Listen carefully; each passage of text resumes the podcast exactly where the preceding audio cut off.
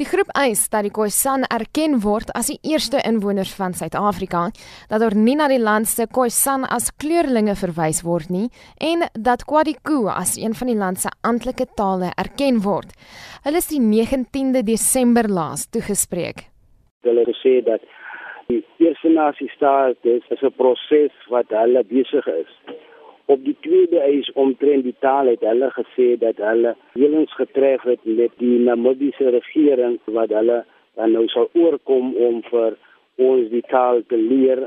Die derde is ook oor die land waar hulle gesê dat daar 'n wetgewing die Khoisan tradisionele wetgewing sal dan nou geskryf word wat natuurlik deur die regering uh, het dit dan aanvaar.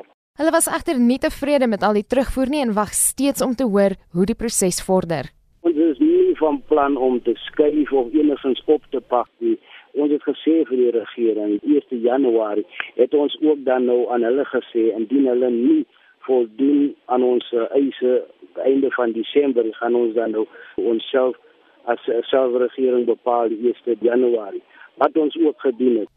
Die afvaardiging slaap nou reeds 8 maande lank vir die Unie gebou en volgens hom is die gemeenskap hulle steeds goedgesind.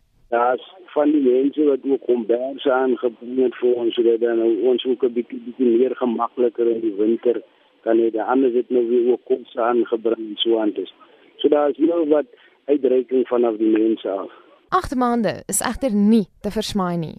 Vir 8 maande moes ons basies ons lewe tot 'n stilstand bring om hier by die enige gebou te wees. Dit sê vir ons ook dat die regering nie omgee om enigsins te onderhandel of enigsins 'n gesprek te voer rondom hierdie kwessies.